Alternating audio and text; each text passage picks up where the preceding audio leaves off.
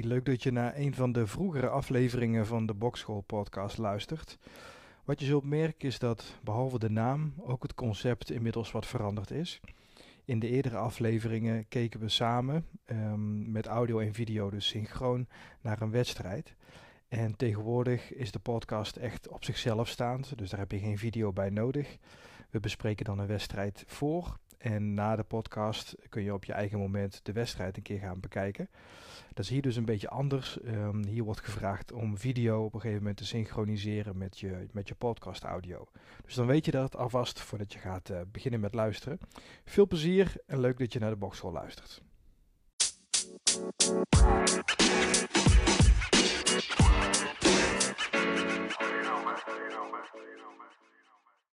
Ha, luidjes.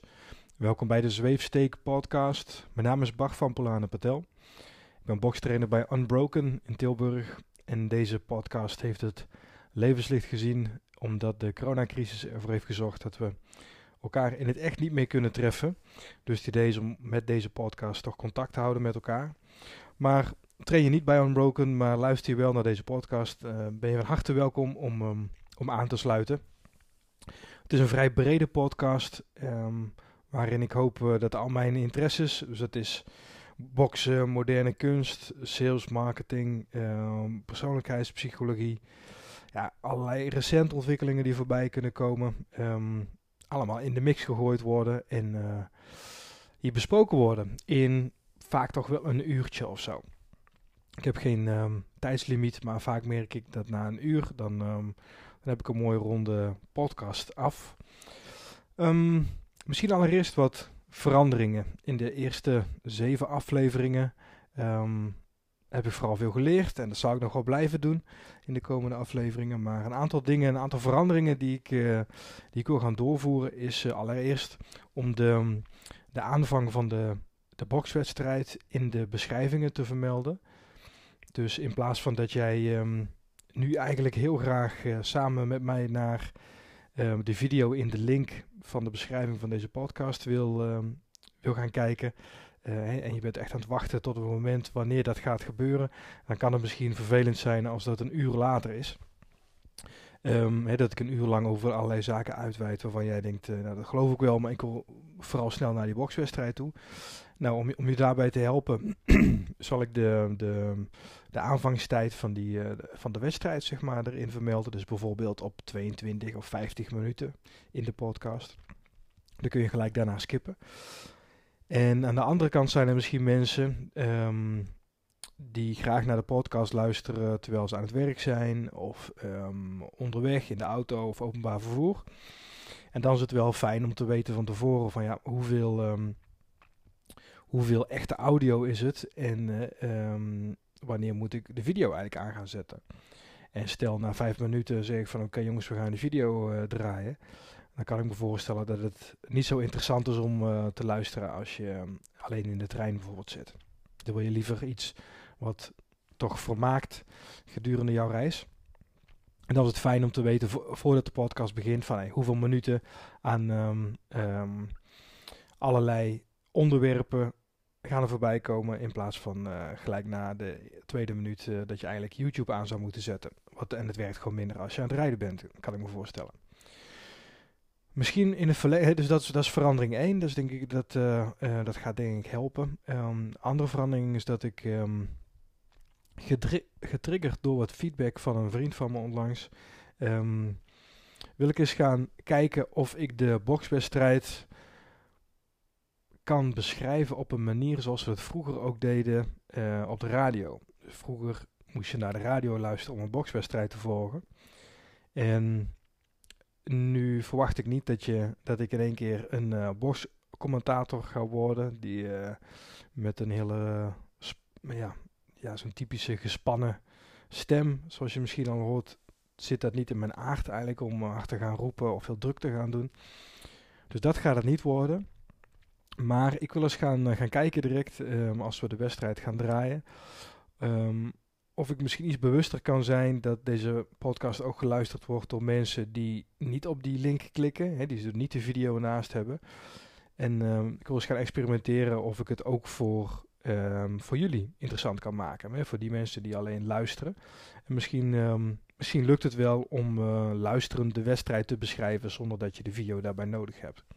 Dus dat is ook een iets andere aanvliegroute dan, ehm, dan voorheen. daarnaast in dat gedeelte waarin ik uh, uitweid over recente ontwikkelingen binnen de vechtsportwereld, binnen de marketing, binnen ja, gewoon Nederland of de wereld, hè, de algemene ontwikkelingen. die onderwerpen die ik bespreek, die wil ik ook eigenlijk vermelden in de beschrijving van tevoren. Dus dat je weet van, hé, hey, waar gaat deze podcast een beetje over? Zit er een, een, onderwerp tussen, wat, uh, een onderwerp tussen wat mij ook interesseert? dat is denk ik leuk om te kijken van of je, ehm, of je het algemene stuk overslaat of gelijk naar de wedstrijd gaat, of dat je toch van begin af aan aanhaakt. Dus dit zijn allemaal wat, wat zaken die ik eh, op wil gaan pakken nu, die ik anders wil gaan doen. En die, uh, dat inzicht heb gekregen dankzij feedback die ik van een maat heb gekregen. En dat is eigenlijk best bijzonder om, uh, om echt goed opbouwende feedback te krijgen. En het is heel makkelijk om te zeggen, hey, eh, hartstikke leuk.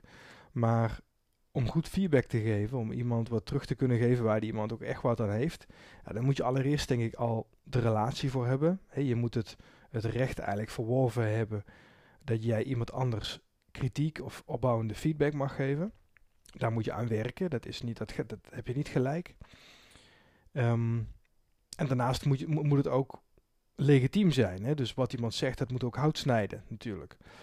En een voorbeeld hiervan is kritiek die ik, um, opbouwende kritiek die ik kreeg van een, uh, van een vriend. Die zei van, hey, gooi jouw, uh, jouw taalgebruik in de podcast is wat groffer dan wat ik van jou gewend ben eigenlijk. En dat was heel interessant, was goede feedback. Want mijn, mijn doelstelling is nu om, om echt te zijn, om uh, authentiek te zijn en niet een rol te spelen terwijl ik um, dit aan het inspreken ben. En dat is best moeilijk om te doen. Probeer je maar voor te stellen dat jij um, iets aan het inspreken bent wat echt iedereen zou kunnen horen. Um, iedereen die je kent en iedereen die je nog niet kent. Maar hè, als, als, als, als je je naam uh, googelt, zeg maar ploep, dan komt het gelijk naar boven. Dus het is heel vindbaar. Dat is heel erg kwetsbaar om dan um, jezelf open te stellen en, uh, en zomaar te vertellen wat je denkt. Hardop te, hardop te denken. En, maar, maar, maar toch is dat wel de doelstelling nu. En ik merk dat als ik dat aan het doen ben, dus terwijl ik bezig ben, um, spiegel ik me onbewust met ja, eigenlijk de podcast die ik het meest luister. Uh, de podcast van Joe Rogan. En ook The Fighter and the Kid van Brandon Sharp. En um, um, hoe heet je nou? Een andere knakker, wat kleiner uh, ventje. En zij gebruiken, zij, zij zijn heel grof. Zij gebruiken veel scheldwoorden, et cetera. Nou, het is heel, heel plat en grof en dat is heel grappig. Maar er zijn comedians en die, um, ja, die zijn, ja, voor hun is dat, is dat natuurlijk. En ik merk dat terwijl ik aan het praten was in een aantal uh, podcasts hiervoor, dat ik me onbewust aan het spiegelen was aan mijn referentiekader en dat waren die, podcasts. Um, en omdat ik die podcast van mezelf eigenlijk niet terugluister, is het goed en heel erg waardevol geweest om die feedback te krijgen van hey, um, je gebruikt wat grover taalgebruik dan wat ik gewend ben van je. Nou, dit, of, ja, daar, um, dat waardeer ik. En ik waardeer het van een ieder als jullie uh, zeggen van hey Bart, uh, dit zijn wat tips voor, je, voor jouw podcast en um, hoe het misschien beter zou kunnen. Nou, graag stuur ze vooral uh, naar mijn, mijn mail en die kun je vinden via zweefsteken.nl. Ook weer zoiets nieuwe website zweefsteken.nl. Om in contact te komen ook vooral. Um, dus dat uh, taalgebruik, nou daar hoef ik eigenlijk niet op te letten, want dat komt mij ook niet natuurlijk om te, om te vloeken of om, om grof te zijn. Um, maar in het uh, opengooien van de, de denkgolven en eigenlijk geen filter tussen mijn, uh, mijn brein en mijn mond te plaatsen, um, ben ik daar misschien iets te, te ver in doorgeschoten of zo. Dus het is goed om, om even terug, in teruggetrokken te worden. Ik heb een, een opvoeding gehad waarin mijn uh, grootouders, uh, alle twee uh, Indisch, een heel belangrijke rol hebben gespeeld, een grote rol hebben gespeeld. En in die Nederlands-Indische cultuur um, ja, ben ik heel beleefd opge, voet eigenlijk. En ben ik in een heel een heel net milieu opgegroeid. En die woonden, voor de mensen die uit Tilburg komen, die, die, mensen woonden bij, in, in Broekhoven. Dus dat is helemaal geen chique buurt of zo.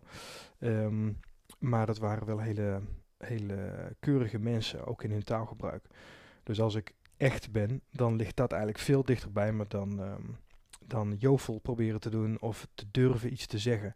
Zoals uh, ja, andere podcasts misschien wel doen. Dus interessant. Dus ik hoop dat ook uh, dat, dat uh, in de komende podcast dat, uh, dat ik dichter bij mezelf kom en dat, dat jij dat ook gaat horen als, als luisteraar. Ja, verder wat, wat speelt er nu? Natuurlijk corona. Um, het onderwerp nog steeds wat iedereen bezig zal houden. Binnen de, binnen de vechtsportwereld betekent dat um, betekent ook superveel. Ik heb een aantal websites binnen de, binnen de vechtsport die ik graag uh, langsloop.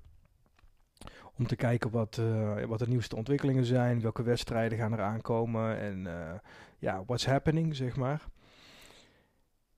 En op, die, en op die sites is er gewoon heel weinig te doen nu. Er is ontzettend weinig nieuws. Um, en het nieuws wat er is, dan heb je, dan heb je bijvoorbeeld John Jones die uh, weer een keer dronken achter het stuur zat, bijvoorbeeld. Weet je wel? Dan heb je een beetje zo'n TMZ-roddelverhaal. In plaats van een echt verhaal zoals um, Tony Ferguson tegen Khabib Nurmagomedov. Um, ja, dat is een echte wedstrijd en dat vinden ze echt mooi om over te lezen. Wat er in de build-up naar zo'n gevecht allemaal gaat gebeuren. Dat ligt natuurlijk helemaal plat nu. Um, door corona. Alleen je hoort nu Dana White praten over een Fight Island. Wat dus gekocht is al, denk ik, door de UFC. En de UFC, is ook zoiets, hè, dat, uh, dat inzicht kreeg ik laatst ook pas. De UFC is dus um, van Disney. Disney is een mega concern, wat al lang, ja, al lang veel meer doet dan alleen uh, sneeuwwitjes maken. Dat weten jullie misschien al lang, maar um, ik stond wel van te kijken tussen Disney en de UFC. Daar zit natuurlijk wel, uh, dat, in dat imago, dan heb je nogal een, um, een brug te slaan, zeg maar. Maar dat, uh, dat merk, dat ontwikkelt zich ook gewoon. Misschien ben ik alleen maar ouderwets um, of, of melancholisch naar good old Mickey Mouse of zo. Dat is Disney niet meer. Dus ja, dat zijn een beetje de nieuwtjes, um, de nieuwtjes waar je dan mee moet doen. Hè? Met zo'n John Jones die, die zat is. Terwijl de, ja, de echte wedstrijden, dat ligt gewoon helemaal stil nu.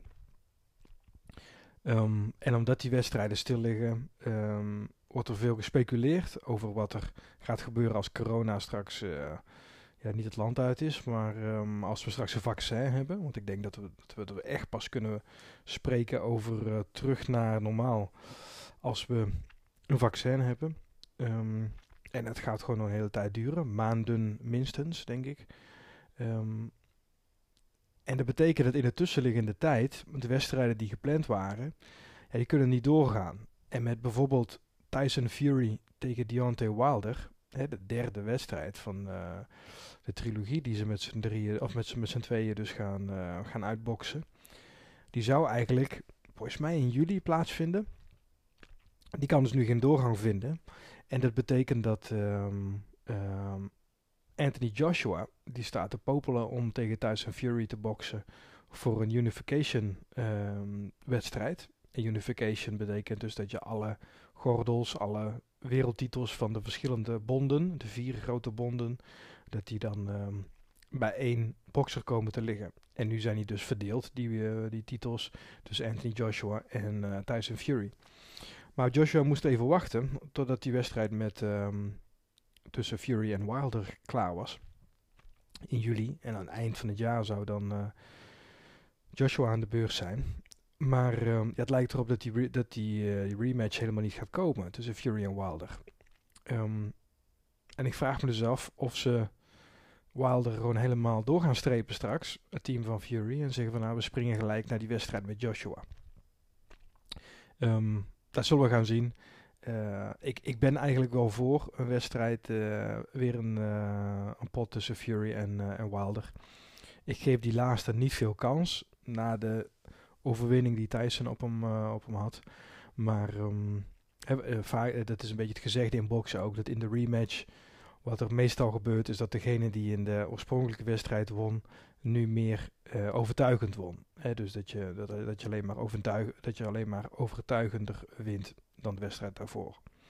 De uitzonderingen daarop maken dat trilogie-wedstrijden uh, interessant zijn om naar te kijken. Of rematches überhaupt interessant zijn om naar te kijken. Um, maar meestal is het toch hetzelfde, maar dan net iets meer beslissend richting degene die toch al gewonnen had. Dus die, maar dat gezegd hebbende, vind ik het toch leuk om Wilder Fury nog een keer te zien. Um, omdat Wilder gewoon die knockout in zijn handen heeft. Een heel slordige bokser altijd geweest. En wat gebeurt er met je als je, als je neer bent gegaan en dan weer opkrabbelt? Ja, ben gewoon heel benieuwd. Um, dus dat in boxland ligt het een beetje stil. In MMA-land eigenlijk ook wel. Um, ik heb gisteren voor het eerst Concussion gezien. Concussion, oftewel hersenschudding in het Nederlands, van, um, met Will Smith in de hoofdrol. Um, goed gespeelde rol, dat accent, dat, uh, dat hoefde niet zo voor mij. Maar een goede film met vooral een goede boodschap. En die boodschap is, die was voor mij eigenlijk toch nieuw. Dat CTE, laat ik dat maar even samenvatten als uh, hersenbeschadiging uh, ten gevolge van impact op de schedel. En, het, en dat in de film ging het specifiek over American football, hè, met die klappen die ze allemaal wel jaren, jaren, jarenlang ontvangen. Maar dat geldt voor boksen en MMA natuurlijk net zo goed. Vooral voor boksen zou ik zeggen, want het is natuurlijk een en al contact op het hoofd. Um, en die film ging over de inzichten die, uh, die er dus verkregen zijn de afgelopen jaren. Um, misschien de afgelopen tientallen jaren tot, tot zeer recent terug nog. Waarin dus blijkt dat er echt schade optreedt als jij vaak hersenschuddingen oploopt. Nou, dat lijkt eigenlijk een no-brainer. Um, maar eerder onderzoek van bijvoorbeeld de NFL, hè, de National Football League zal het zijn uit Amerika, die wees uit dat er uh, geen schade was of geen, geen uh, blijvend uh, hersenletsel door hersenschuddingen. Um, en dat werd dan toch tegengesproken. Um, in ieder geval door een groep wetenschappers, blijkt uit die, uit die film, die het nu bij het rechte eind hebben. Dat CTE, dat, dat, die hersenbeschadiging ten gevolge van klappen, dat is gewoon een echte ding. Daar, um, en daar moet men dus maar mee omzien te gaan. Um, en dat, dat is nogal wat natuurlijk. Want American football spelen zonder de impact, zonder de, de, de, de clash zeg maar, van de een op de ander. Ja, dat maakt het een stuk minder dramatisch en entertaining. En ik moest, en dat was ook de reden dat ik die film um, uh, opgezet had, om te kijken van wat zijn de implicaties nu voor het boksen. Wat betekent, het, wat, wat, betekent dat voor het boksen? Als er echt, als er aangetoond wordt dat, dat veel klappen oplopen en hersenschuddingen oplopen, um, ervoor kan zorgen dat jij uh, bijvoorbeeld sneller agressief wordt. Hè? Want dat, dat, weet je misschien nog niet, maar dat zijn de gevolgen van. Um, ehm, zijn dat je, um, nou misschien in, extreme vorm, blijkt ook uit die, uh, uit die film, in extreme vorm um, zelfmoord pleegt. Omdat je je, je brein je gewoon niet meer met rust laat. Hè? Je, je, Um, je verandert, je, uh, je, hersenen veranderen en uh, jij bent je brein, dus, dus verander jij. Waardoor je bijvoorbeeld uh, agressief wordt naar je vrouw of naar je kinderen of roekeloos gaat rijden. Hè, er zijn, in, in, in, in, een eerdere podcast heb ik er ook aan gerefereerd dat er zoveel boxers, profboxers overlijden aan, of overleden zijn aan verkeersongelukken bijvoorbeeld. En veel veel veteranen, ja, je kunt ze gewoon niet meer verstaan. Joh. Die, de, de, de, het spraakvermogen wordt ook duidelijk hoorbaar aangetast.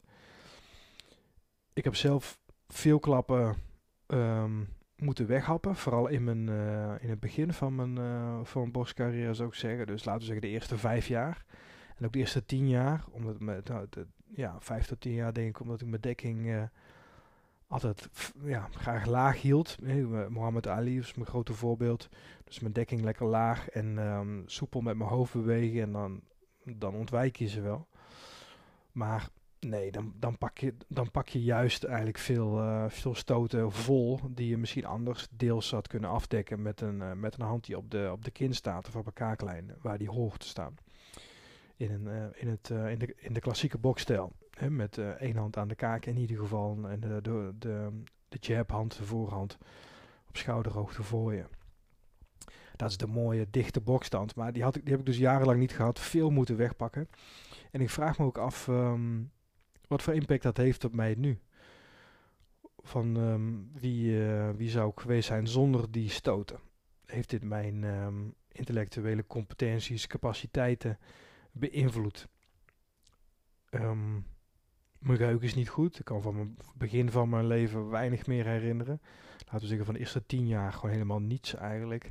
Eerst, en dan naar de, vanaf de 15 zo'n beetje grofweg zijn er wat flarden.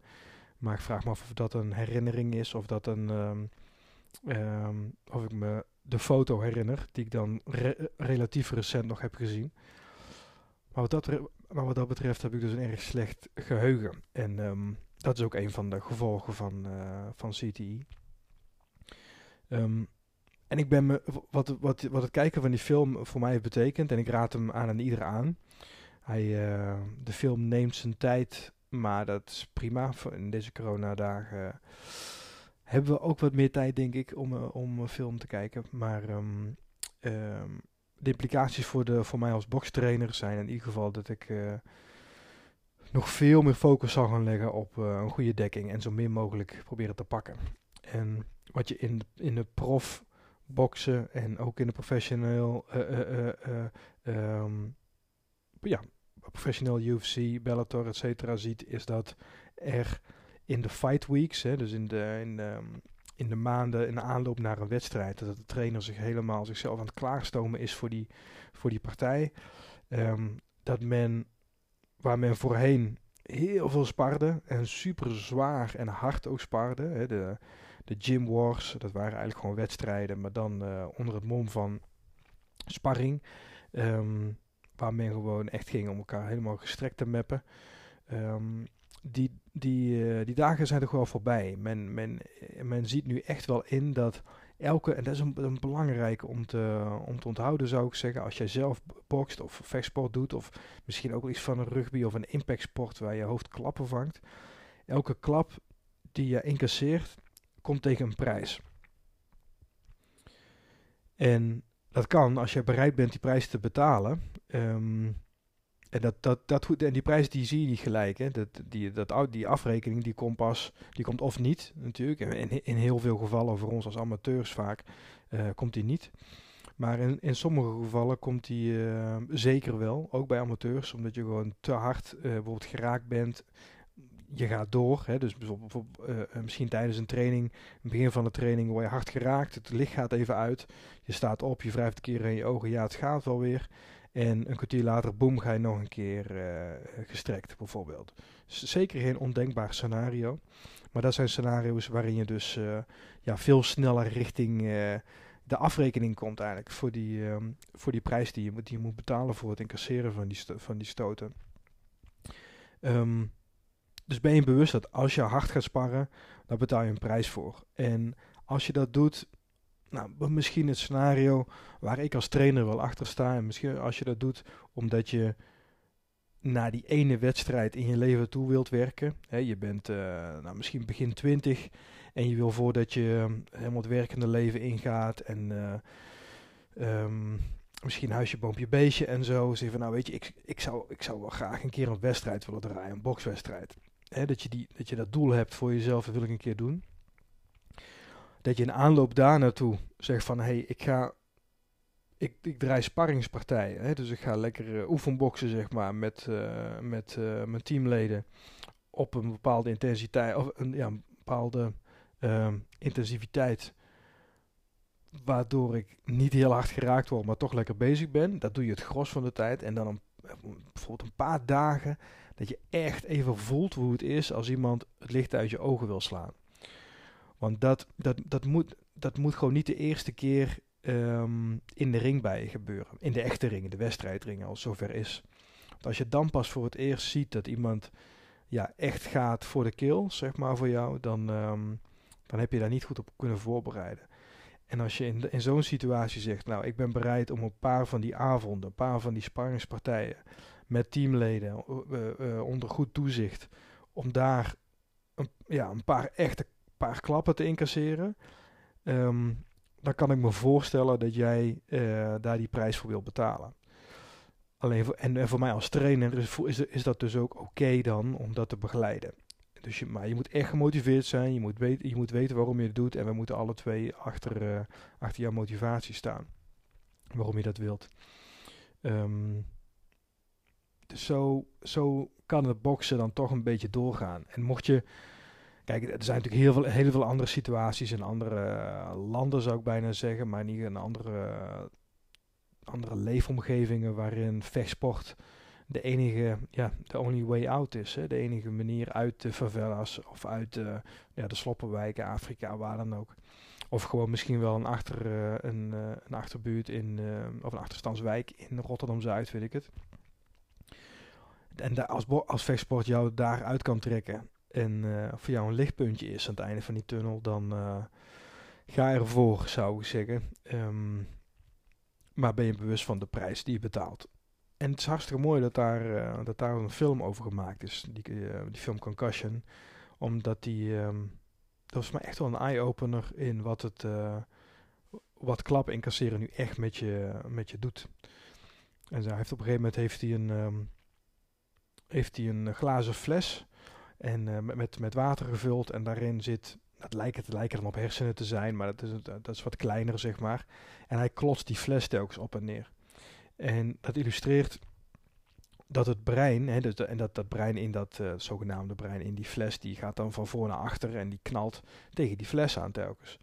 Want die hangt los in die fles in het water. En dat is ook hoe je brein dus in je schedel zit. Als je een klap incasseert, dan zit er geen schokdemper tussen. Um, je brein clasht dan, het knalt tegen jouw schedel aan. Eerst naar voren, boem, en dan naar achteren. En als je pech hebt, nog een keer naar voren.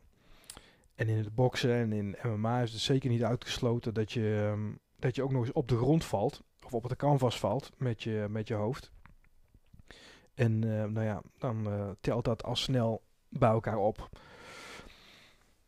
Dus ja, het is, het is ethisch gezien, of ja, is het ethisch? Ja. En um, ethisch en gewoon qua qua gevoel is het erg dubbel om boksles te geven, fan te zijn van die sport, te kijken ernaar. We gaan direct naar een, uh, naar een mooie partij kijken. Um, te kijken naar die sport, ervan te genieten en tegelijkertijd je bewust te zijn van de schade die anderen of jezelf oplopen dankzij die sport. Dat is, um, dat is heel dubbel. En ik kan me voorstellen dat over 50 jaar van nu dat dit niet meer bestaat omdat de risico's dan, um, dan nog veel duidelijker zullen zijn. En dat, er misschien, dat je misschien letterlijk echt kunt zien van wat is de prijs die ik zojuist heb betaald voor, uh, voor die sparingspartij die ik net heb gehad. Of voor die wedstrijd. Dat je zeg maar, als je 13 miljoen uh, hersencellen hebt, dat je kunt zien van oké, nu heb ik er nog 12 miljoen 700.280 bijvoorbeeld. Van die ben je mooi kwijt. Dat gaat natuurlijk ook wel veel betekenen.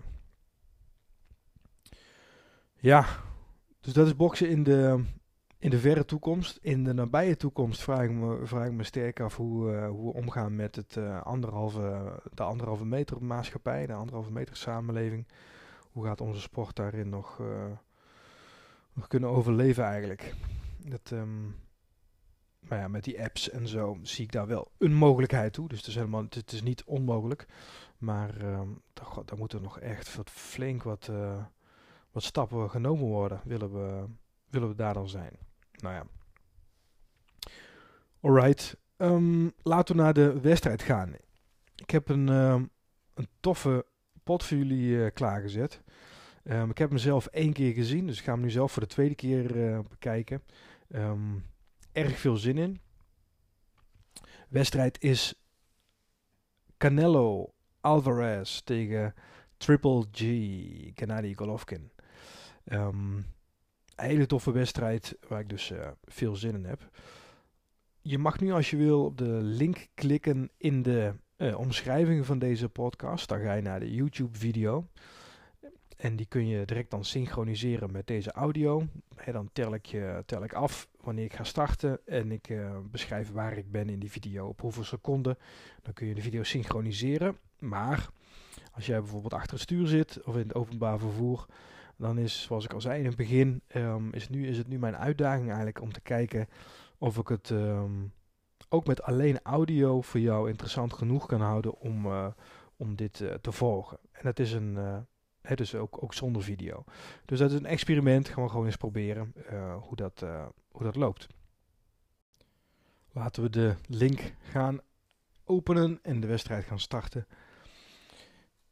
In, nou ik hoef eigenlijk niet af te tellen, laat ik, laat ik zeggen waar ik ga beginnen. Ik ga op 8 minuten in de wedstrijd proberen te beginnen.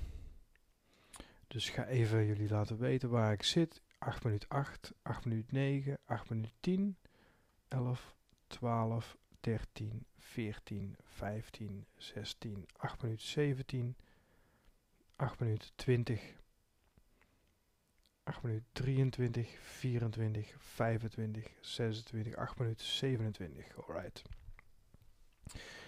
Nou, mocht je dus geen video bij deze audio hebben, dan um, gaan we eens experimenteren met of dit uh, interessant voor jou is om naar te blijven luisteren. Um, voor de mensen met video erbij is het uh, wat extra commentaar bij de technieken en strategieën die je voor je, voor je ziet nu. Canelo um, is eigenlijk de grote boxster die we nu hebben eigenlijk. Uh, Canelo Alvarez, een Mexicaan. Je zou het niet zeggen. Hij heeft eigenlijk niet een typisch Mexicaans uiterlijk. Met rood haar en zijn good looks. Um, maar hij is een, uh, echt, een, echt een Mexicaan. En dat bedoel ik... Um, wat ik, wat ik daarmee bedoel is dat hij echt Mexicaans bokst. De Mexicaanse bokstijl is met twee handen lekker dicht aan je kaak. Naar voren. En um, en slopen. Eigenlijk vooral veel uitdelen, incasseren en weer terugkomen.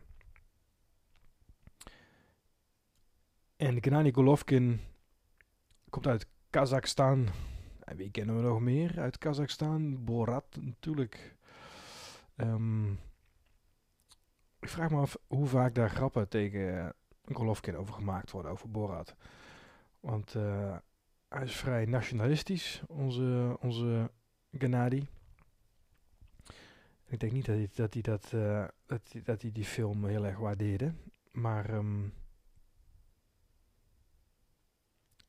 ook al komt hij uit Kazachstan, heeft hij ook een Mexican style. Hij heeft ook een Mexicaanse stijl zichzelf aangemeten om um, ja, toch vooral voor drama te zorgen. Dat is ook zijn, uh, zijn slogan eigenlijk, was een Big Drama Show. En hij gaat proberen om er hier ook een uh, big drama show van te maken. Dus een drama met uh, hopelijk een knockout. En we zien zowel Gennady Golovkin als Alvarez hier in de eerste ronde met jabs aftasten. Er worden wat combinaties gegooid na die jabs. Maar dat zijn geen... Uh, dat zijn vooral probeer, probeersels, probeerstoten. Linkse directe met een korte rechtse direct achteraan. Er wordt al een beetje nee geschud tegen elkaar van nee, doet geen zeer. Of ik kan het hebben. Mooie opstoot van uh, Alvarez daar, mist maar net. En de linkerhoek van Golovkin mist daarna weer. Dus deze mannen zijn op hun scherpst nu.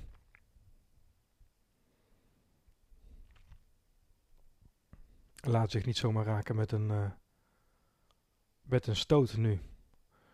De enige, de enige stoot die kans maakt nu om te raken in dit stadium van, van deze wedstrijd is die jab eigenlijk. Zo'n snelle linkse directe.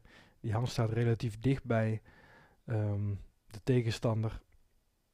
Te dichtbij om, om altijd op te kunnen anticiperen. En dus wordt er veel gejabbed, veel linkse directes. Kijk naar de hoek van Alvarez. Eerste ronde zit erop.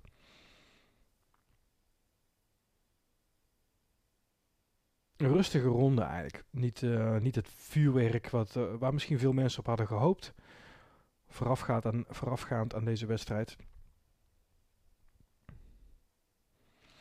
Voor deze podcast ehm, vind ik het leuk om bekende en onbekende boxers te, te behandelen. Dus uh, bekende en onbekende boxwedstrijden ook te behandelen. En wedstrijden uit, uh, nou, niet zozeer de geschiedenis, maar ik zou zeggen de moderne geschiedenis. Dus eigenlijk vanaf het tijdperk van Ali, zou ik zeggen toch wel, tot nu.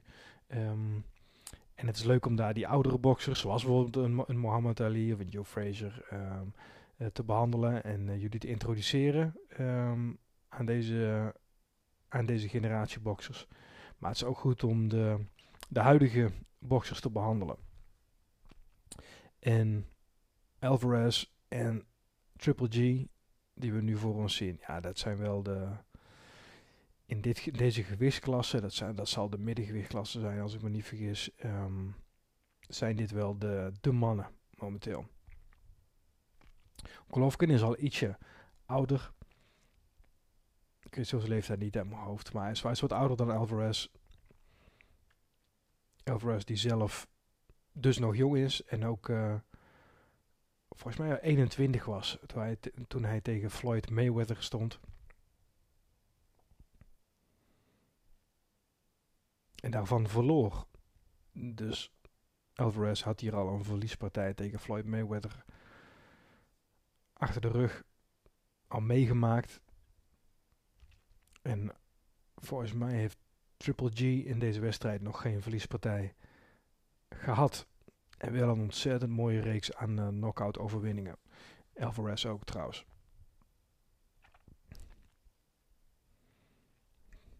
Bokser van achter de jab. Alle twee loeiharde stoters. Elke stoot kan de laatste zijn hier. En dat is vooral in de middengewichtsklasse. Um, dus laten we zeggen, wat zal dat zijn? Tussen de 60 en de 75 kilo zo'n beetje. Dat, dat noem ik nu voor het gemak even middengewicht. Um, dan is een krachtige stoot is niet zo uh, vanzelfsprekend. Kijk, in de zwaargewichtklasse is bijna, bijna alle boxers zijn wel stoters. Alle boxers uh, in die zwaargewichtklasse hebben de kracht in zich om, um, om iemand anders knock-out te slaan. En in de middengewichtsklasse zie je daar heel veel verschil in. Dus je hebt uh, de snelle puntenboxers. En je hebt dus nog wel, je hebt een aantal stoters ertussen zitten. En die laatste die zijn wat exotischer.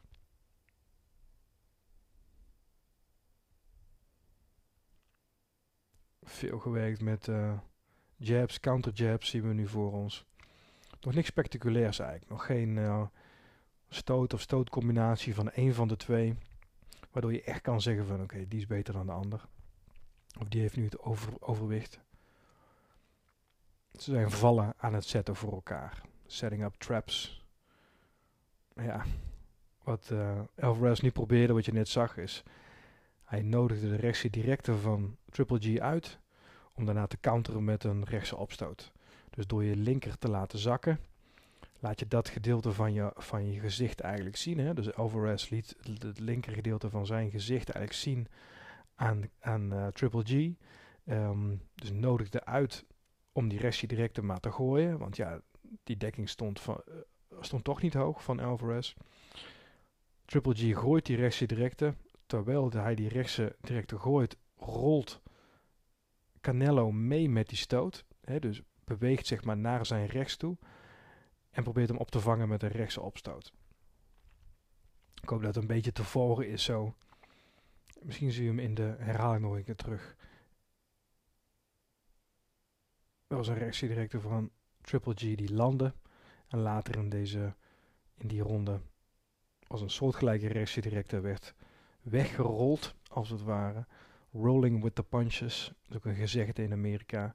Of in het Engels. Waarin je eigenlijk, probeert te zeggen van... Um, probeer te incasseren in het leven, zeg maar, uh, wat je moet. En, uh, met zo min en, en biedt zo min mogelijk weerstand eigenlijk daartegen. zo min mogelijk weerstand bieden. En dan weer verder. Roll with the punches. Het begin van ronde 3 is vrij uh, intens. Harde stoten bij de heren. Ze hebben alle twee een, alle twee een stiff jab. Dat laat, dat zich uh, niet zo lekker vertalen naar een stijve jab, maar uh, dat is wel wat het is. Je, hebt een, je kunt jabben met uh, je handen open bijvoorbeeld. Dan heb je een lekkere, snelle, soepele jab. Of je kunt die links direct gooien met je, met je vuist een beetje ja, hard aangespannen. En spanning in je, in je armen ook terwijl je die gooit. Daardoor wordt hij iets minder snel, iets minder soepel. Maar ehm, ja, dat wordt dan echt een powerstoot. Als ik moet denken aan een jab als powerstoot, dan moet ik denken aan een wedstrijd van Semi Schild. Onze Nederlandse Semi Schild uh, van 2 meter nog wat. Die uh, Ray Seffo, een andere K1 vechter van nou, tientallen jaren geleden misschien alweer. Um, knockout stoten met een linkse directe. En Ray Seffo was eigenlijk een een vechter die, die nooit knock-out ging. Met een, met een ijzeren kin, zoals ze dan zeggen. Ehm, en die werd gewoon knock-out gestoten door een uh, linkse directe van onze Sammy Schild.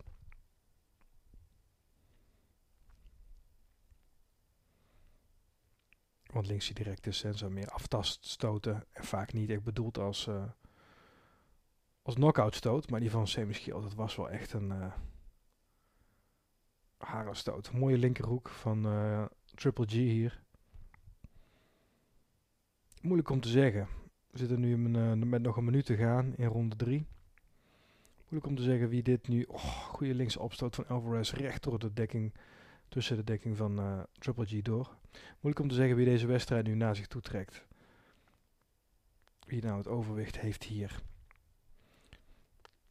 Uh, wat, wat je wel duidelijk ziet, als je een stap terug zou nemen, wat je duidelijk ziet is dat Alvarez houdt, houdt de buitenkant van de ring. Dus cirkelt om Triple G heen en Triple G maakt de wedstrijd als het ware. Dus Triple G maakt het, um, initieert het, uh, het contact. En dat is wat waard. Ja, dat is echt wel inderdaad een verschil tussen deze twee nu. Alvarez is constant on the back foot, zoals we dan zeggen, op zijn achterste voet. Um, en probeert eigenlijk vooral dingen uit te lokken bij Triple G om daarop te counteren. Canelo echt een typische um, counterboxer. Terwijl Triple G veel meer um, een stoter is die naar voren komt en blijft komen.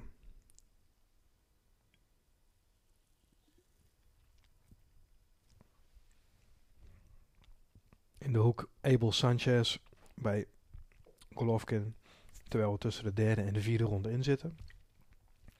Je zag het ook de broer van Triple G. Daar is hij weer even in de hoek staan. Je ziet de gelijkenis tussen de mannen.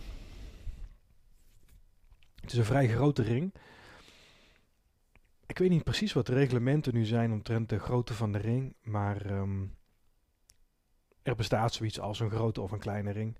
En um, deze grote ring is in ieder geval een voordeel voor Alvarez nu zou ik zeggen. Die is lekker veel aan het bewegen is, veel met zijn voetenwerk probeert de ruimte op te zoeken. En dat gaat bij een grotere ring nu eenmaal makkelijker dan bij een kleinere. Dat zul je snappen.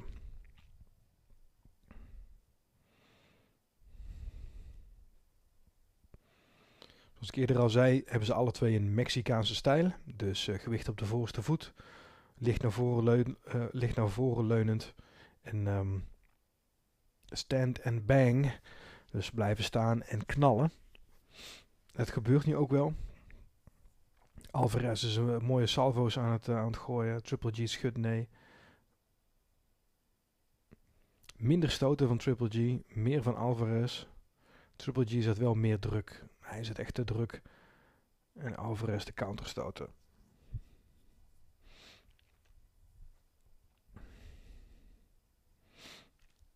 En die Mexi zo'n Mexicaanse stijl, wat je zou verwachten, is als je twee Mexicanen dan voor het gemak maar eventjes zo tegenover elkaar zet in de boxring. Dan verwacht je dat die met z'n tweeën naar voren komen lopen. Dat die het middenpunt van de ring opzoeken. Daar blijven staan totdat er iemand omvalt, zeg maar. En dat was dan die wedstrijd. En dat zien we toch niet gebeuren nu. We zien dat uh, Triple G druk zet. En zijn stijl nog steeds wel de meeste... Dit is goed. Alvarez nu in de hoek. Triple G zet druk. Probeert te jabben. rechtse directe lead van Triple G. Dus met rechts in plaats van zijn linkse hand aan het voorstoten. Alvarez zegt van nee, je kan me geen zeer doen. Maar alle twee de heren, dus ook het typisch. Wat we nu zien is het Triple G is aan het aftasten. Is voorzichtig. Omdat hij weet dat als ik die rechtse directe ga gooien. Of als ik een harde stoot ga gooien. Canelo is zo gefocust nu op de counter. Dat de kans dat ik dat die stoot geblokt wordt of uh, deels mist en dat ik op een harde counterstoot loop, is zo groot. Ik blijf maar gewoon jabben. Ik blijf maar gewoon aftasten nu.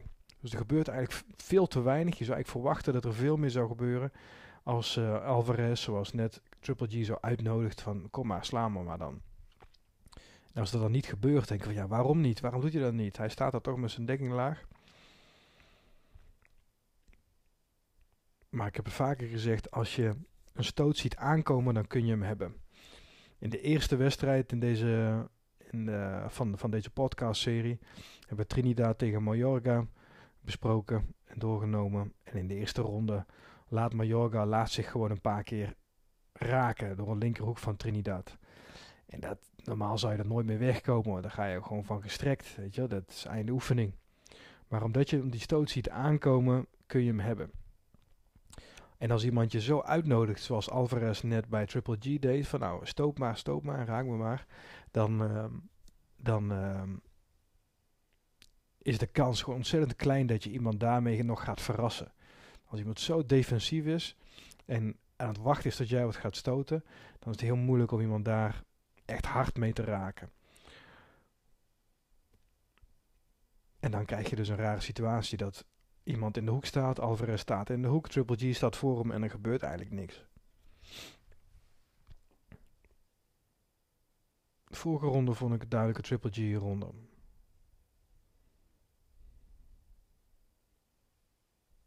Volgens mij is het Saul, Saul Canelo Alvarez. Saul Alvarez is zijn hele naam. En Canelo betekent kaneel. In het, wat is het? Wat spreken ze in uh, Mexico? Portugees of Spaans? Een van de twee zal, denk, zal het wel zijn. Mexicaans hè, spreken ze. Um, en Canelo, dus kaneel, is dus uh, de, de kleur van zijn haren, zeg maar. Dus dat is zijn bijnaam, Canelo. Maar dat uh, is een bijnaam die wel gewoon zijn, zijn boxnaam is geworden eigenlijk. Dus Saul hoor je heel weinig. Het is altijd, altijd Canelo Alvarez. En Kanani Golovkin is vooral, vooral voor veel Amerikanen ook moeilijk uit te spreken. Dus uh, zijn ze op Triple G uitgekomen. Eerste keer dat ik hoorde van kom. Triple G jongens. Maar uh, het bekt aardig. Ja, mooi, mooie salvo's. Alvarez toch echt in de touwen nu. En Triple G zet druk en scoort de punten. Geen flush stoten, geen flush stoten dus rond. Dus laten we zeggen, stoten die echt goed raken, die 100% op de knop zitten. Het zijn meer schampschoten. Maar Triple G is veel, veel drukker. Nu, nu zet Canelo een stap naar voren, zet die dekking hoog. Zoals uh, die typische Mexicaanse stijl van hem ook uh, um, zou vermoeden dat hij zou gaan boksen. Dit is het inderdaad. Die, die dekking hoog, kijkt tussen zijn handschoenen door en gewicht op die voorste voet. Dat is het grote verschil, denk ik. De Alvarez zet, Alvarez zet druk, scoort te weinig. Triple G is bezig met die voorhand. Triple G is de betere amateurbokser, heeft, uh, heeft een rijke amateurachtergrond. Ik weet zo niet wat hij uh, precies heeft bereikt qua medailles, Olympische Spelen of zo. Het zou me niet verbazen dat hij bijvoorbeeld een gouden plak heeft. Um, maar een zeer uh, ruime amateurervaring. En dat zie je terug in zijn jab. Goede rechte counter van Alvarez. Triple G zet de druk. Wow, een rechtse hoek van Triple G terug. Jazeker, die was heel mooi. Alvarez schudt nee. Probeert Triple G weer uit te lokken. Ja, dit is knallen. Dit is mooi. Dit is mooi werk achter in die hoek. Ja, Triple komt naar voren en te weinig van Alvarez. Alvarez echt aan het counteren. Schud nee. Maar vaak is nee schudden echt een teken van, uh, van boxers van ja, je hebt me geraakt. Alvarez is aan showboten. Hè, dus is, aan, uh, is een mooie show aan het geven van ja, je raakt me niet en het doet geen zeer en zo. Maar hij doet te weinig zelf. Maar de dreiging van Canelo is zo, zo intens. Dat als je een keer mist met een stoot, ja, het is direct einde oefening. We zagen net dus een mooie wegkijkmove van, uh, van Canelo. Heeft hij waarschijnlijk overgenomen van zijn um, uh, manager Oscar de la Hoya. Daar gaan we ook vast nog een keer een wedstrijd van doen. Rectie directe van Triple G, waarin Canelo wegkeek, naar achteren keek om die op het laatste moment uh, uh, vermijden. Ik hoop dat, die, dat we die in de herhaling nog gaan zien. Ja, het is zo spannend, jongen. Als die twee, twee staan tegenover elkaar. Canelo met zijn handen laag. Dat lijkt zo open van ja, kom maar, kom maar. Dat zag je Muhammad Ali natuurlijk ook veel doen. Anderson Silva staat erom bekend binnen de UFC en MMA. Dat, uh, het is een bepaalde stijl. Weet je, die dekking laag van kom maar, ruim me maar.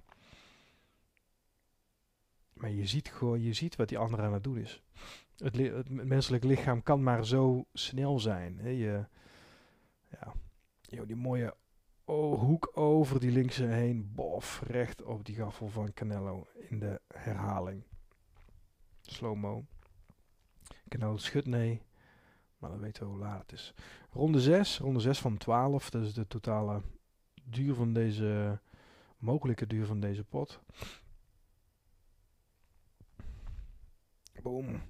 Twee restie directes. Je moet je voorstellen, twee man volle chas, die restje direct proberen te scoren bij elkaar. Missen, missen alle twee net. En alles staat op het spel natuurlijk. Dus het is um, zo'n hoog risico. En mentaal moet het ook zoveel doen. Die druk. Dit zijn de twee beste in de wereld op dit moment. En met dit moment bedoel ik het moment uh, waar deze wedstrijd plaatsvond. Dit waren toen echt de topvechters. Ik heb er ook echt lang naar uitgekeken. Deze wedstrijd heeft ook, een, uh, ook weer een hele lange aanloopperiode gekend. Dat is natuurlijk voor um, het voorbeeld van uh, Floyd Mayweather tegen Manny Pacquiao. was een wedstrijd waar ook, uh, waar eigenlijk ook al volgens mij vijf of zes jaar of zo werd daar naar uitgekeken. En dat werd maar uitgesteld en uitgesteld. Terwijl iedereen wilde het zien. Er wordt gezegd dat Floyd Mayweather net zo lang wachtte met het aannemen van die wedstrijd totdat Manny Pacquiao uh, um, te oud was. Of in ieder geval oud genoeg was om te kunnen verslaan. Want Pacquiao was natuurlijk ook wel een, fenomeen in de ring. Nog steeds, maar toch van een andere, uh, ander niveau nu. Ah, vieze stoot van Alvarez. Klemt af met links. En dan achter de rug om nog een stoot. Qua persoonlijkheid, uh, wat, wat je er dan van ziet natuurlijk. In al die uh, documentaires na, in aanloop naar zo'n wedstrijd toe. Uh, mag ik hem niet zo, Canelo Alvarez. En Triple G eigenlijk des te meer. Gooi je rechtshoek op het lichaam daar.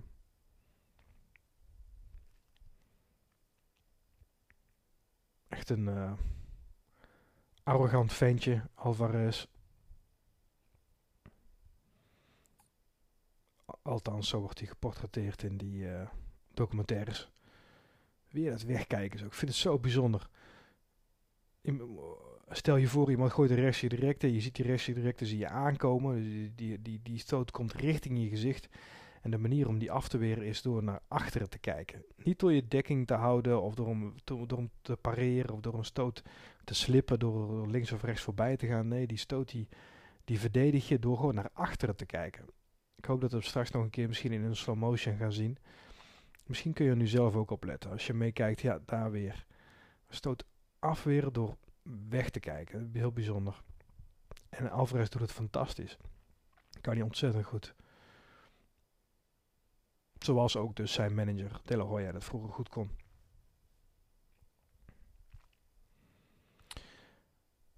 Weer, ja, toch ook weer een Triple G-ronde. Als ik het nu zou moeten scoren, dan, um, terwijl ik natuurlijk vanuit een bijzonder perspectief zo uh, naar deze wedstrijd kijk, terwijl ik deze podcast aan het inspreken ben.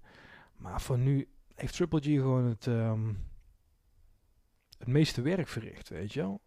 Als ik de vraag stel wie, heeft, wie maakt deze wedstrijd, dan is het Triple G. Golovkin blijft naar voren komen. Alvarez nodigt uit. En Golovkin gaat in op die uitnodiging. Hier die achterwaar. In de herhaling zien we nu een hele flauwe achterwaartse stoot van uh, Alvarez. Maar misschien is het wel slim gewoon om die andere een beetje gek te maken, emotioneel. Ronde 7 begonnen. Kijk, nu zie je wat meer jabs. Boom, en gelijk weer door. ja, stoten uitwisseling. Ja, mooi hoor. Weer het wegkijken. Zag je het? Die restje directe en wegkijken. Zo bizar. Lijkt me ook heel moeilijk om te oefenen. Je vraagt je ook af of Golovkin misschien nu zijn restje een, een beetje bijstelt naar rechts. dus we zien Alvarez zien we naar achteren kijken als verdediging tegen die restje directe.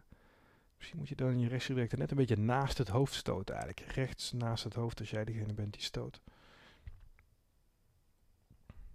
Misschien zien we direct nog wat van gebeuren. Ja, hoeveel gas heeft uh, Golovkin in de tank? Hè? Hij is nu al zeven rondes Canelo aan het achtervolgen, aan het stalken eigenlijk. En elk moment dat hij heeft om contact te maken, pakt hij nu. Goeie links, scherpe links die directe van Golovkin. Maar het maken van een wedstrijd, zoals Golovkin nu aan het doen is, dat kost ontzettend veel energie.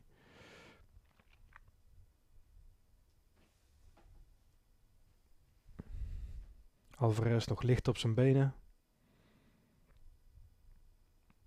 Weer het wegkijken. Mocht je meekijken, dan uh, vraag ik me af of het je ook nu uh, opvalt. Bijzonder. Ja, en, wat dat betreft heb je natuurlijk maar een beperkt arsenaal. Vooral zo'n Golovkin. Had hij, heeft een goede jab, die hij in die Mexicaanse stijl eigenlijk amper gebruikt. Maar hij kan hem wel gooien vanuit, van, vanuit zijn amateurcarrière. Hier wordt Golovkin een paar keer goed geraakt terwijl hij Alvarez achterna zit. Maar in basis is het een. Uh,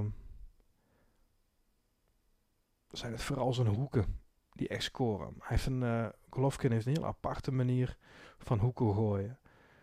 Vroeger had je Peter Aarts, misschien bij jullie sommigen uh, nog bekend. Peter Aarts die kon zo zijn been omhoog gooien en dan een beetje schuin omlaag weer naar beneden brengen. Dus een high kick, zo'n lumberjack, houthakker trap van Peter Aars. Die, hij gooide dat been omhoog en hij kapte het als het ware weer terug naar beneden toe. Waardoor een trap dus niet uh, ja, recht op je afkomt als het ware, maar eerst een beetje boven je uitstijgt en dan op je gezicht landt. Of hem eigenlijk een beetje op de bovenkant van je hoofd ook eigenlijk een beetje landt. Misschien boven je oren of zo, weet je wel. Zo'n, uh, en dan in het geval van aards ook, is dat ook nog eens een keer met een scheenbeen.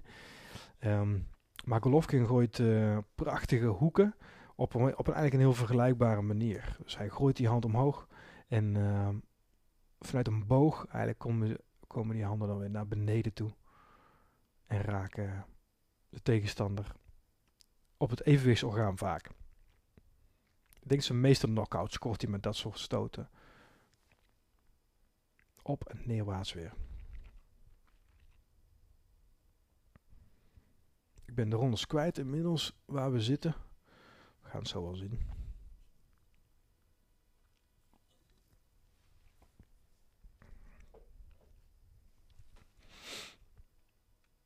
Alvarez strekt de benen. Niet de beste teken. Ronde 8 zitten we. 8 van 12. Dus toch max 4 te gaan nu. Waar dit dan de achtste is.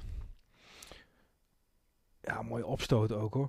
Die Mexicaanse stijl is dus met twee um, vuisten naast je. Dus uh, de, de, de dekking staat hoog aan de kin, zowel met je rechts als je linkse hand.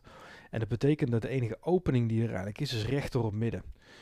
En niet eens recht door het midden als met een links of een rechtse directe, want die kun je nog een beetje slippen naar links of naar rechts. Goede hoek van Alvarez daar.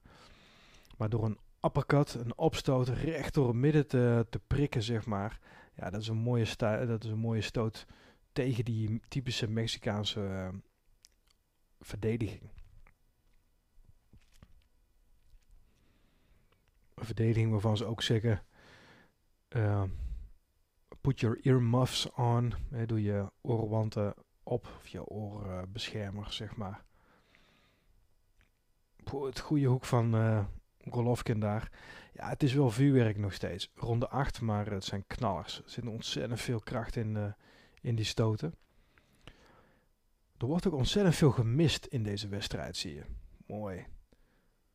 Alvarez probeert een linkerhoek op het lichaam. Misschien een leverstoot. Maar Golovkin blokkeerde hem. En terwijl die linkerhand van Alvarez nog op de rechter elleboog van Golovkin stond, lanceerde Golovkin als een rechter opstoot. Heel mooie counterstoot. Uh, die kleine rechtse directe jabs van, uh, van Golovkin. Zijn ook mooie stootjes. Hè? Dus het, het, inleiden met rechts. Nu, nu zal hij vast vandaan naar zijn jab teruggaan. Ja, de jab van Golovkin. Maar straks gaat hij zijn rechtse directe weer schieten. Ja, precies dat. Hè, die rechtse directe schieten en dan die linkerhoek erachteraan. Dat zijn de typische Golovkin combinaties. Alvarez weer op zijn fiets, zoals ze dat dan zeggen. Dus een beetje aan het, uh, aan het rennen. Het zijn zo'n stiff punches. Het zijn zo'n... Oh, die rechtse opstoot van Alvarez, recht door het midden. Golovkin komt naar voren toe. Mist, of stapt in ieder geval een stap naar voren. En Alvarez counter prachtig met de rechtse directe. Oh, sorry, met de rechtse opstoot recht door het midden. Ik moet zeggen, ik was ook een beetje in slaap gelopen door uh, Alvarez. Zoals ze dan zeggen. Er gebeurde weinig. En Golovkin zal misschien eenzelfde gevoel hebben gehad van ja, misschien wordt hij moe of zo. En in één keer boem lop je op zo'n stoot en het is uh, misschien wel einde oefening. Weinig werk van Alvarez. Hij pakt deze ronde echt vrij lijkt het. Je zag hem in het begin van de, van de ronde ook zijn benen even ontspannen door, hem door die helemaal uit te strekken. En dat is ook eigenlijk helemaal niet het beeld wat je wil geven aan je tegenstander. Van, van kijk, mij is uitgezakt zitten hier.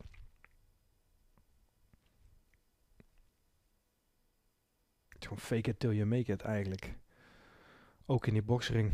Je doet gewoon net alsof. Onder alle omstandigheden eigenlijk. Als een bokser zijn, uh, zo zijn vermoeidheid laat zien, dat is al geen goed teken. Geen goed teken.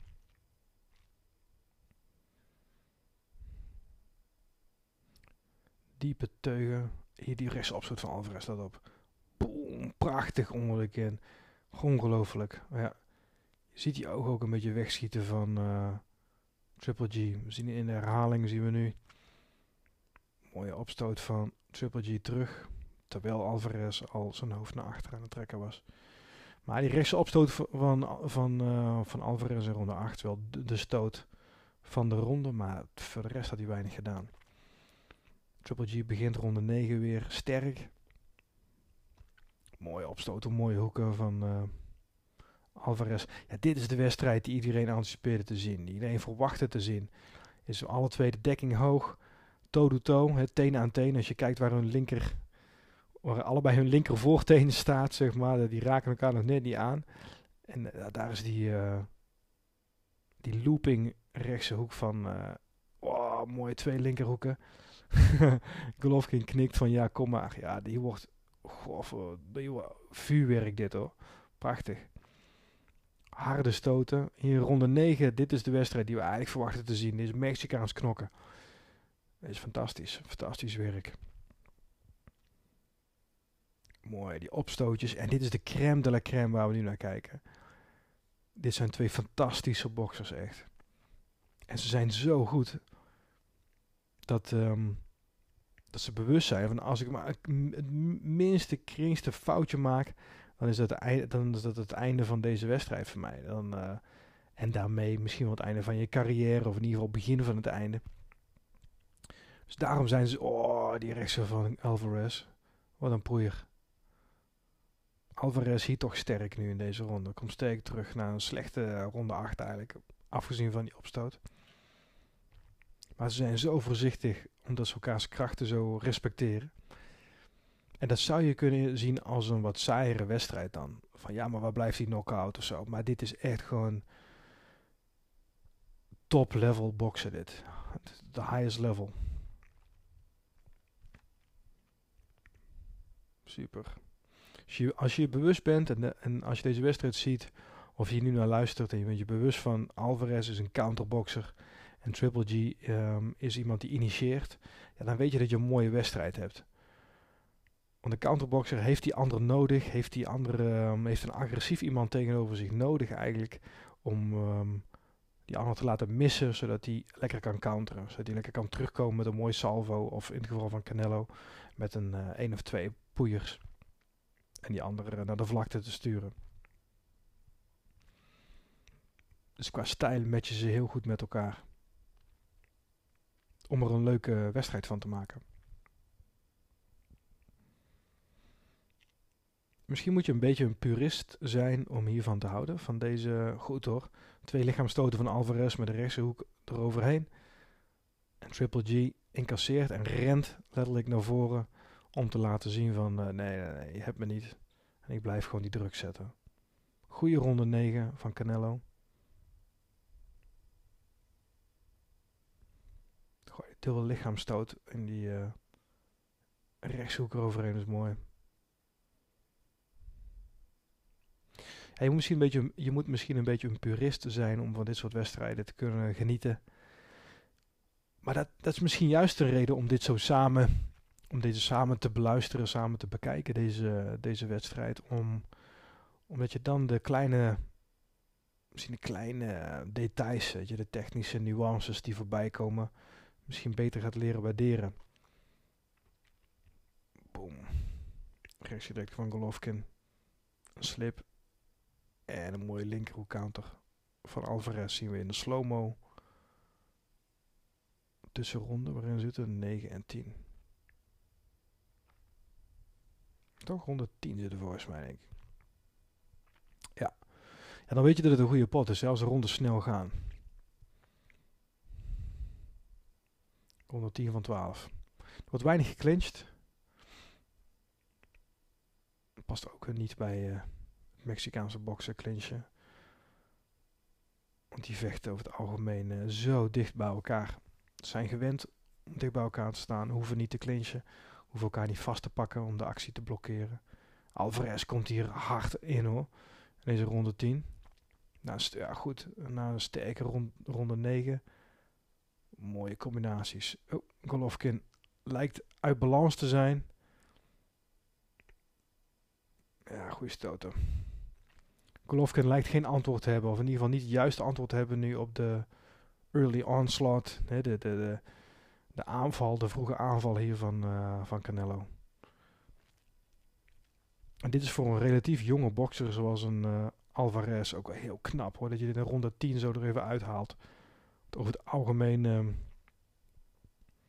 vooral, vooral deze, het level van deze, van deze wedstrijd. Nou, om nou te zeggen dat de wereld meekeek mee tijdens deze wedstrijd is overdreven. Maar laten we zeggen, iedereen die ook maar een beetje van boksen houdt, die was zeker zich bewust van deze wedstrijd. En die druk moet je voelen als je daar in de ring staat zo. En als je dan uh, zo kunt presteren en zo je um, adrenaline en je energie toch nog weet te reserveren, ook voor deze latere rondes, ja, dan uh, ben je eigenlijk een veteraan in het lichaam van een jonge man.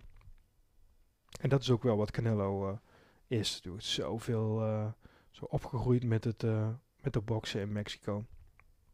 is echt met de paplepel inge ingegoten. Ja, een ontzettend sterk begin van, van Canelo. Maar nu nog een minuut toch wel te gaan in ronde 10. En wat heeft uh, Triple G nog uh, verantwoord? Dit moet, ja, dit is toch een clinch nu van Alvarez. We zien de tweede clinch die me kan herinneren in ieder geval van deze wedstrijd. Triple G komt nu in.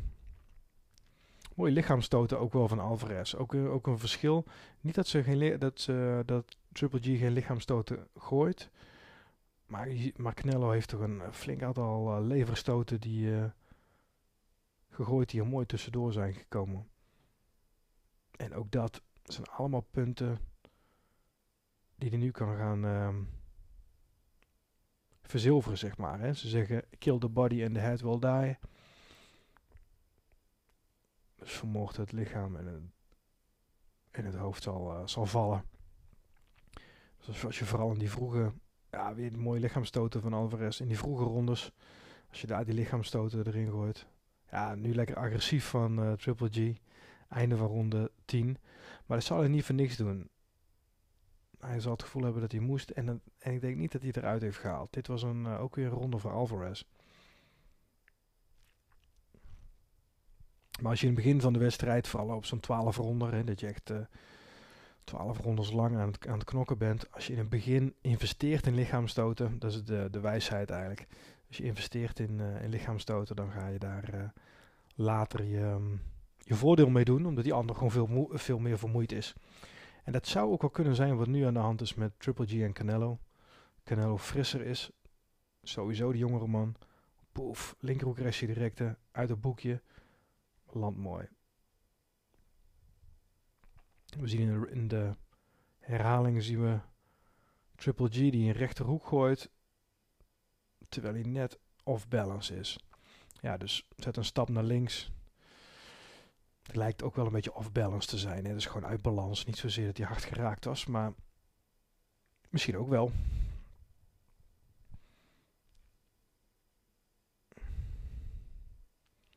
Even kijken, Alvarez begint deze ronde, ronde 11, de ene laatste ronde, begint hij uh, door de uiteinden van de ring op te zoeken, door die buitenste ring te pakken. Je zou de ring kunnen, um, gek eigenlijk dat je de ring noemt. Het is een vierkant, is geen ring, de squared circle.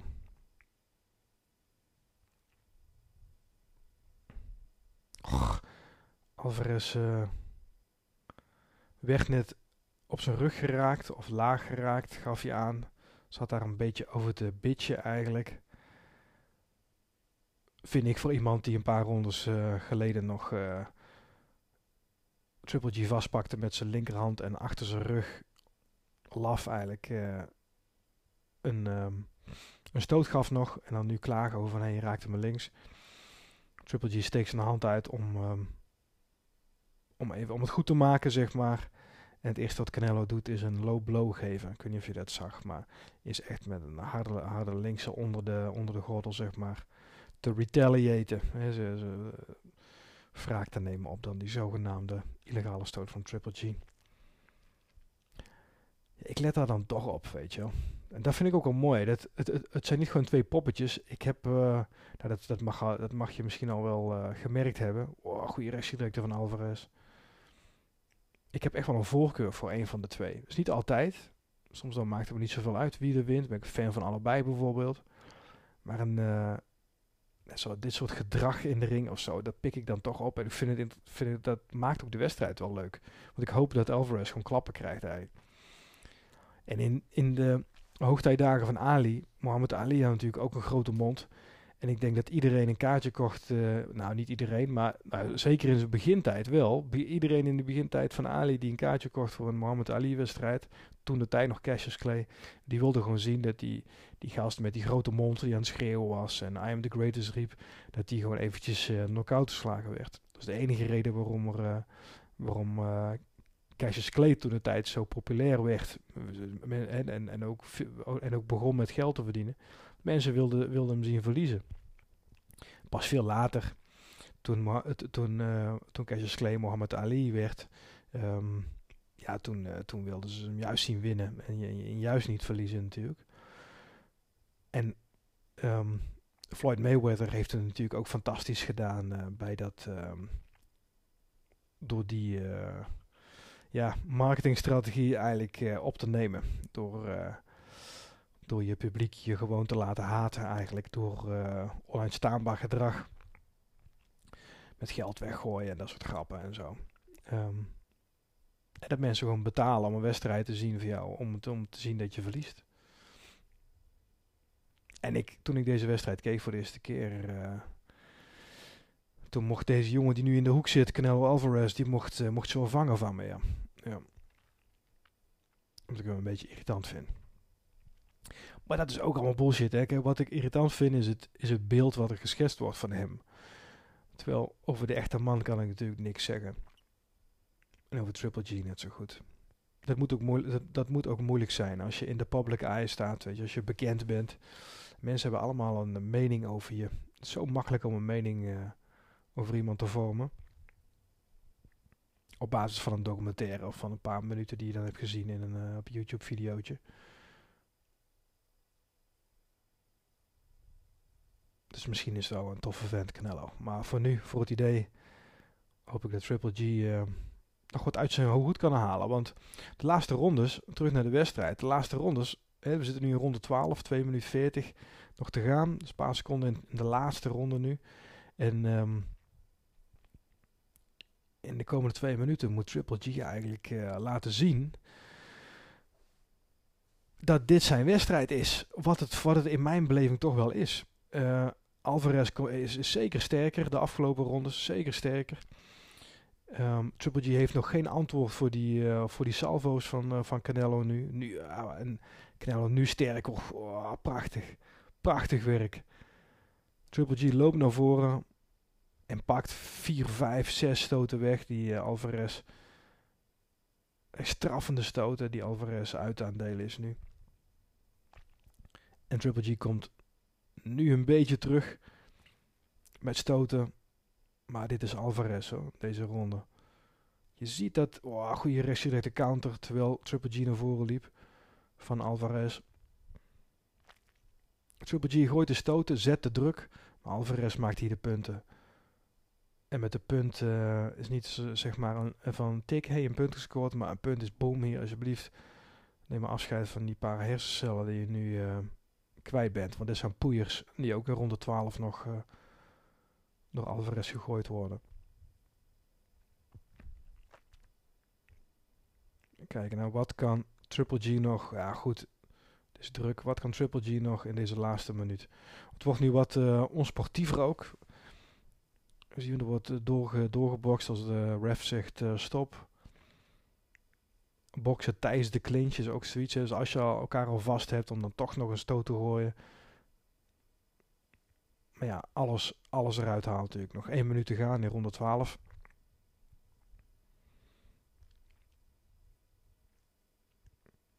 Nou, nog een half minuut. Mexicaanse strijders. Eentje uit Kazachstan met een Mexicaanse stijl. En één echte Mexicaan. Boom. Dit moet met vuurwerk eindigen. Dat hoort zo. Als je lid bent van die club. Van de Mexican Style Club.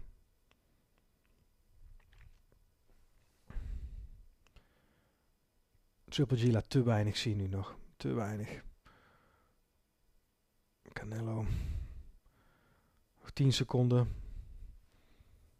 Je zou denken dat, bijna dat beide overtuigd zijn van de winst. Anders zou je meer verwachten in deze laatste secondes. Ja. 1 seconde en einde wedstrijd. Allebei de boxers gooien de hand in de lucht. Wie heb jij? Triple G wordt omhoog gehezen. Dat is een trainer. Dat zal de moeder van Canelo zijn, daar zagen we het volgens mij. Ja, 12 rondes. Wat vond jij? Ik vond het, uh, ik vond het echt wel een pot voor uh, Triple G. Ik denk dat Golovkin deze, uh, deze zou moeten krijgen laten we zeggen, die driekwart van de wedstrijd. Dat Golovkin maakte de wedstrijd. En zelfs, laten we zeggen dat er een paar rondes tussen zaten in het begin. Waarin Golovkin naar voren kwam. En Canelo de, de zuiverdere uh, stoten scoorde. De, meeste punten scoorde misschien ook wel. Maar in zo'n wedstrijd als deze vind ik dat je punten moet, of dat je punten moet toekennen voor aggressiveness. Voor agressiviteit. dus als jij de, de wedstrijd maakt, je steekt je kin daarin, zeg maar. Je gaat naar voren. Gewicht op je voorste voet dan, um, dan is dat wat waard. Nou, wat highlights zien we nu. Ja, die laatste combinaties van Alvarez. Alvarez is gewoon de, de fittere bokser geweest in die laatste rondes.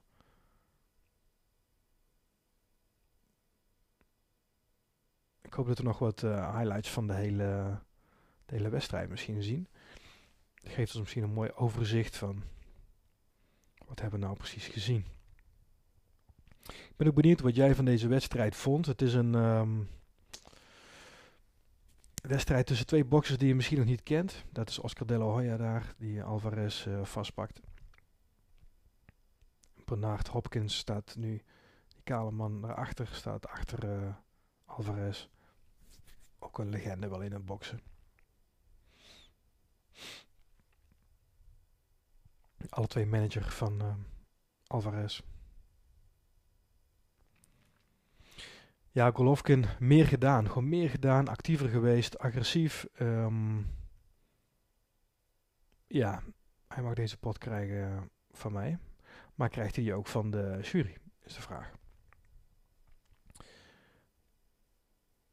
Suleiman zien we daar binnenkomen net rechts met die strapdassen, die Canelo. Feliciteert met een zege die hij al dan niet nog moet krijgen. En Suleiman is de president van de WBC, een van de bekendere bonden. Dat mag je allemaal gelijk weer vergeten. Boeit allemaal geen drol, want het gaat om deze mannen Golovkin en Canelo. De rest is een beetje een circus eromheen. We gaan het vast nog een keertje over hebben over uh, management in boksen en wat, uh, wat de voor- en nadelen daar nu van zijn. Want boksen wordt wel ingehaald, denk ik nu. nou, zou ik dat zeggen? Op, nou, op sommige vlakken wordt boksen wel ingehaald door, ingehaald door de UFC. UFC is zo'n fantastische productie. Je, de wedstrijden krijg je te zien die je wilt zien. veel aanbod. Ze maken boxers, maken vechters, wil ik moet zeggen. Laten we de score even afwachten nu tussen Golovkin en Canelo.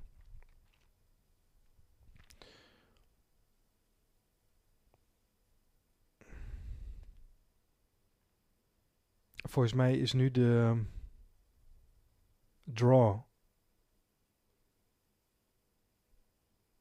aangekondigd. Ja. Ja, ik had eigenlijk gehoopt dat, ik, uh, dat we in deze video nu zouden zien wie er zou gaan uh, winnen. Maar ik hoop niet dat ik het nu als een spoiler alert al, uh, al weg heb gegeven. Of te vroeg, zo wel, dan is het gewoon wat het is. Maar dit was, een, dit was volgens mij een gelijkspel geworden. Dus een draw. Ik zie alle tweede boxers zie ik nee schudden. En dat doen ze over het algemeen als ze het niet eens zijn met de, de uitslag. En, um, en dit betekent dus een, een draw van deze heren. Dus goede wedstrijd. Um, hierna hebben ze nog een, uh, nog een keer gebokst. En nu, en dat is ook een van de redenen waarom ik... ik zet de wedstrijd uit, jongens. Dus het is een draw, het is een gelijkspel. Um, een van de redenen waarom ik deze wedstrijd nu ook wou bespreken is dat er wordt gesproken over een derde wedstrijd. Dus ik laat even in het midden wie de tweede nu heeft gewonnen, maar een, uh, een derde wedstrijd. En um, daar kijk ik toch wel naar uit. Golovkin is nu helemaal al wat ouder. Uh, Alvarez is eigenlijk in, in zijn peak, is echt in zijn prime. Dus hoe zou ik het nou eens vertalen? Nou, gewoon in zijn piekjaren, zeg maar. Weet je, want die doet het nu gewoon echt heel goed. Um, is ook een man geworden in plaats van een jongen. Dan krijg je die mannenkracht, wat dan ook weer zo'n mythisch, mythisch fenomeen. Um, dus die, die zou, uh, als, deze, als, als, de, als de crisis, de coronacrisis voorbij is, zou dat een, een partij zijn waar ik ook echt weer naar uit zou kijken. En een mooie partij om misschien met z'n allen samen weer eens dan weer te bespreken. Dus dit was Canelo Alvarez tegen Triple G. Um, ik hoop dat jullie deze podcast zo interessant vonden en tof vonden om, te, om samen met mij naar deze wedstrijd te kijken. Um, bedankt voor het luisteren en tot de volgende.